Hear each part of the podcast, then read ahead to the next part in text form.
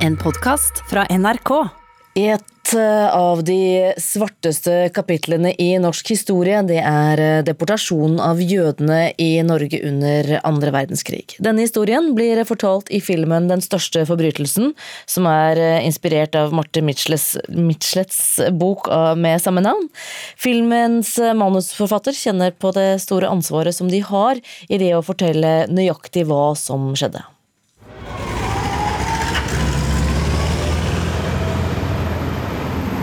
Eksosen ligger tjukt over Grünerløkka i Oslo når gamle militærkjøretøy med bevæpna statister kjører fram og tilbake.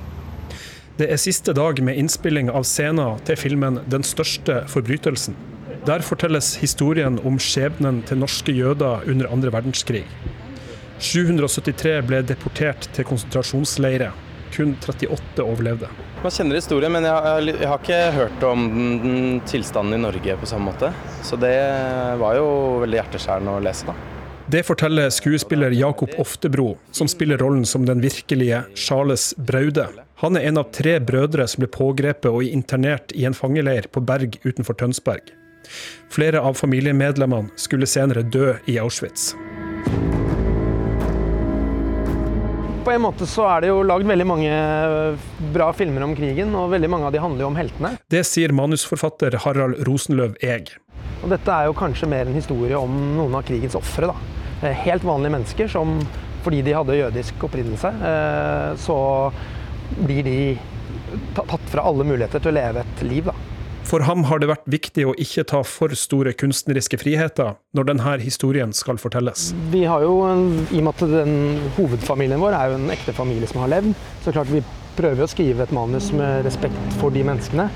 Eh, så ytre sett så har vi prøvd å dikte så lite som mulig i forhold til hva som faktisk skjer med dem. Den norske krigsfilmen 'Den tolvte mann' fra 2017 fikk kritikk for å legge til ting som ikke skjedde i virkeligheten, da den fortalte historien om Jan Bolsrud. Tolvte mannen er veldig fiksjonalisert. Eh, samtidig så har jo den på en måte gjort jobben i forhold til Det er, en, det er jo gjort på hans måte, da. Så føler jeg ikke at det er ikke nødvendigvis gjort uten respekt, men den er på en måte veldig liksom Hollywood-aktig på norsk jord. Eh, måten filmen er gjort på. Men jeg vet ikke om altså, Jeg ville gjort det annerledes, men men jeg vet ikke om jeg syns det er feil.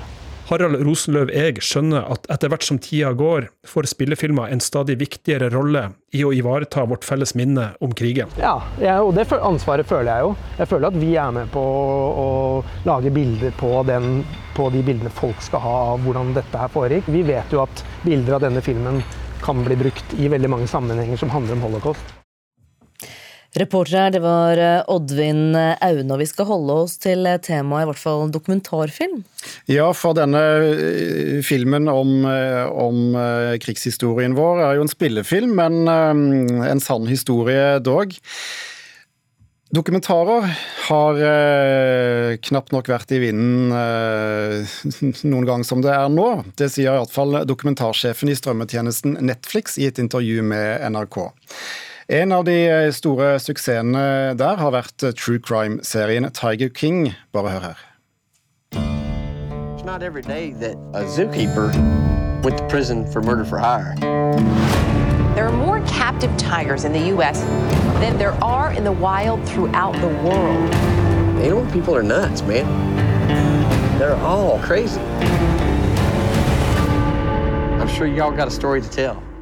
Tiger King fra, eh, som eh, kan ses på strømmetjenesten eh, Netflix. Og tall fra Netflix viser at 166 millioner av abonnentene har sett minst én dokumentar det siste året. Det er ni av ti abonnenter på verdensbasis.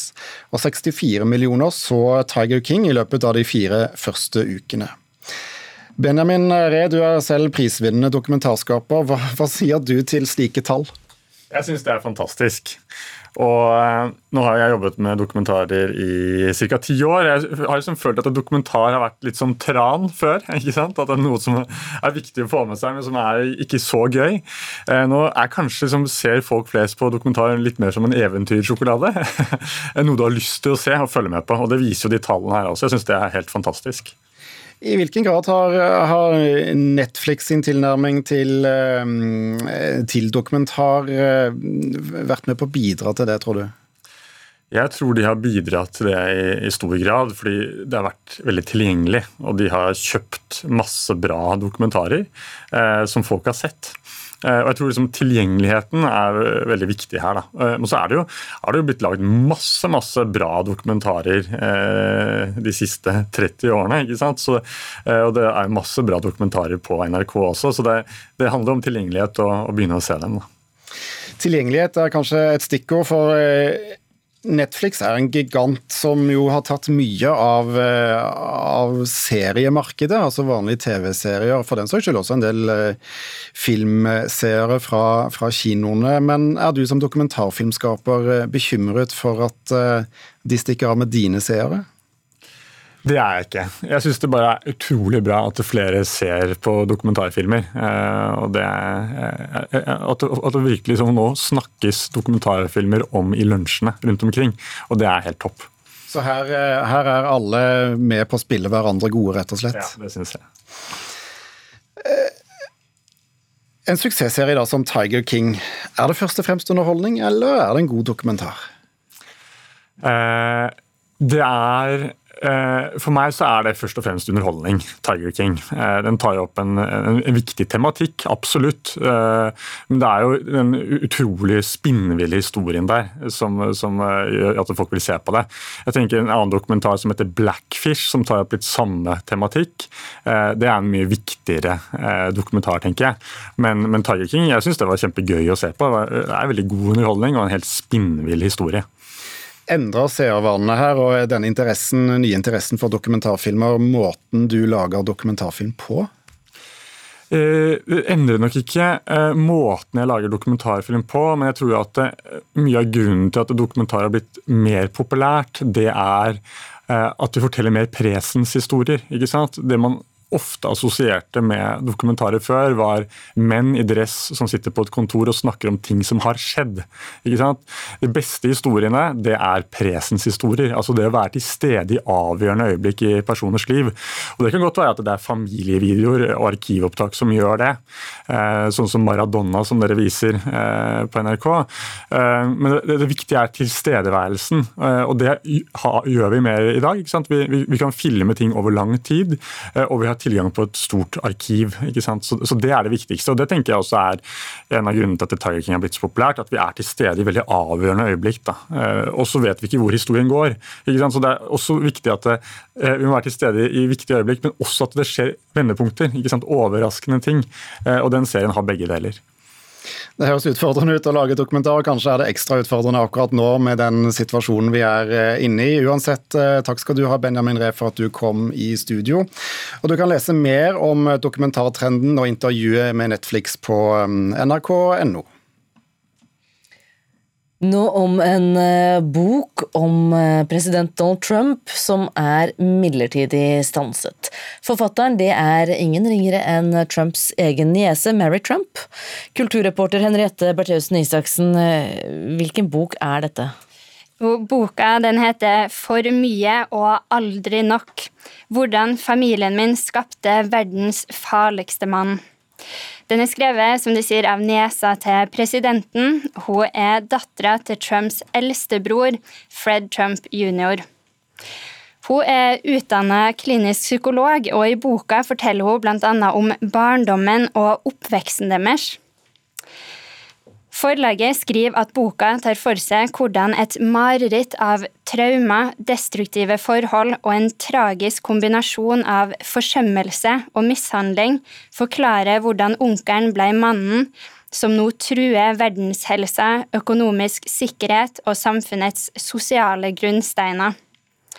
New York Times skrev at en av eh, avsløringene i boka handler om hvordan eh, Mary Trump var en sentral kilde da New York Times i fjor avdekka Trumps eh, tvilsomme skattesituasjon, og hvordan han hadde mottatt mer enn 400 millioner dollar omregna til dagens verdi fra farens eiendomsimperium. Og nå er denne boken midlertidig stoppa? Ja, det er strid om boka mellom familiemedlemmer, eh, skriver nyhetsbyrået Ap. I forrige uke ba presidentens bror Robert Trump en dommer i New York om å stoppe den.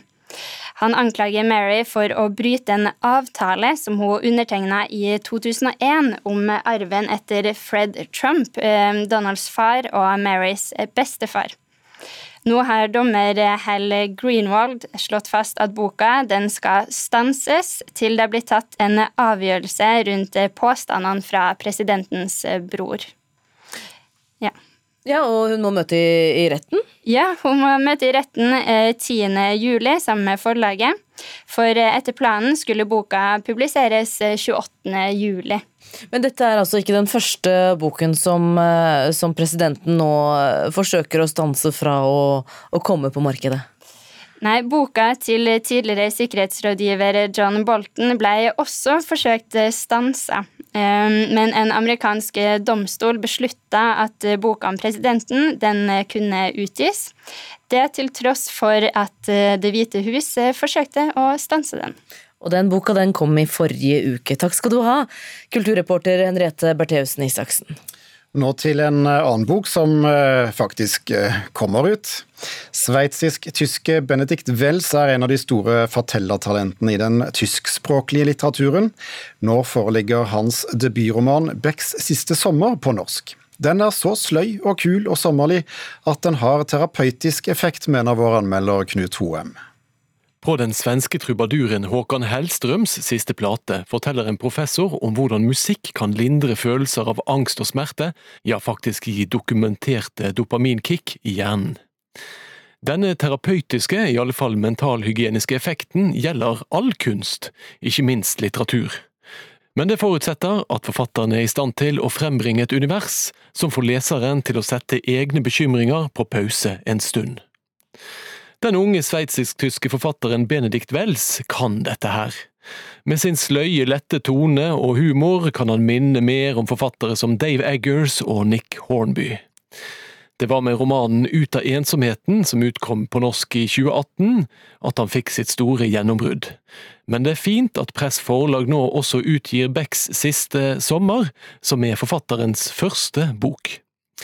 Den er akkurat så sløy og upolert og underholdende som en godt over gjennomsnittet talentfull debutroman skal være. Situasjonen til romanens helt, Robert Beck, er på sett og vis ganske oversiktlig når vi møter han der han jobber på Georg Buschner-skolen i München i det herrens år 1999. Han har én kompis, en afrikansk-tysk hypokonder ved navn Charlie, som støttet han da han ble kastet ut av rockebandet Hjernespinn. Og så er det Lara som kanskje skal bli den kvinnen han skal klare å beholde lenger enn tre måneder. I tillegg møter vi den finsk-litauiske eleven Rauli, som viser seg å ha det talentet som Beck mangler. Den selvlærte Rauli kroppsliggjør kunstens mysterium. Hva er det egentlig som skal til for å skape et forbløffende talentfullt, dypt rystende verk? Humoren ligger tjukt over, eller var det under hele teksten? Det sparsommelige persongalleriet gjør det mulig for forfatteren å fordype samværet med hver enkelt av dem. Man blir rett og slett glad i de, og vil vite hvordan det går. Når Beck bestemmer seg for å kjøre en knallgul Volkswagen Passat til Istanbul for å finne kompisens mor og bror, blir jeg gladelig med på det også. I tillegg er historien gjennomsyret av musikk. Beck nærer et begrunnet hat til Bob Dylan, for Dylan var favoritten til faren, som Beck hadde et trøblete forhold til. Romanen som sådan hater ikke Bob Dylan. Hvert kapittel er oppkalt etter en av Dylans låter, og sannelig dukker ikke Robert Zimmerman, som var Dylans egentlige navn, opp på en kro i Bucuresti. Zimmermann forteller Beck noe om hva livet handler om. Resten får han vite av en snakkende hund. I Becks siste sommer øver romanpersonene seg på å gjøre flere ting samtidig. De lytter til musikk, og de tar piller. Det siste slipper vi å gjøre, vi har jo denne boken, som helt klart har en viss farmakologisk effekt. Eller hva var det han sa, professoren til Håkan Hellstrøm? Om man lyssnar på musikk som man virkelig tar til seg, da kan man se at den har direkt veldig sterke, nesten farmakologiske effekter, ungefär som å ta et piller i det at den kan ge en stark dopaminkick helt enkelt. Og da tar den over. Og, og på det settet har man kunnet si at, at sterk stark musikalisk opplevelse kan minske en smerteopplevelse, kan minske ångest og så. Til slutt hørte vi Gunnar Bjørsell fra Sentrumet for kultur, kognisjon og helse, som eh, altså kommer til orde på Håkan Hellstrøms siste plate. Knut Hoem hadde lest Becks siste sommer av Benedict Wells, som eh, er oversatt av Miriam Lane. Og du kan eh, selvfølgelig lese denne og flere anmeldelser på våre nettsider nrk.no.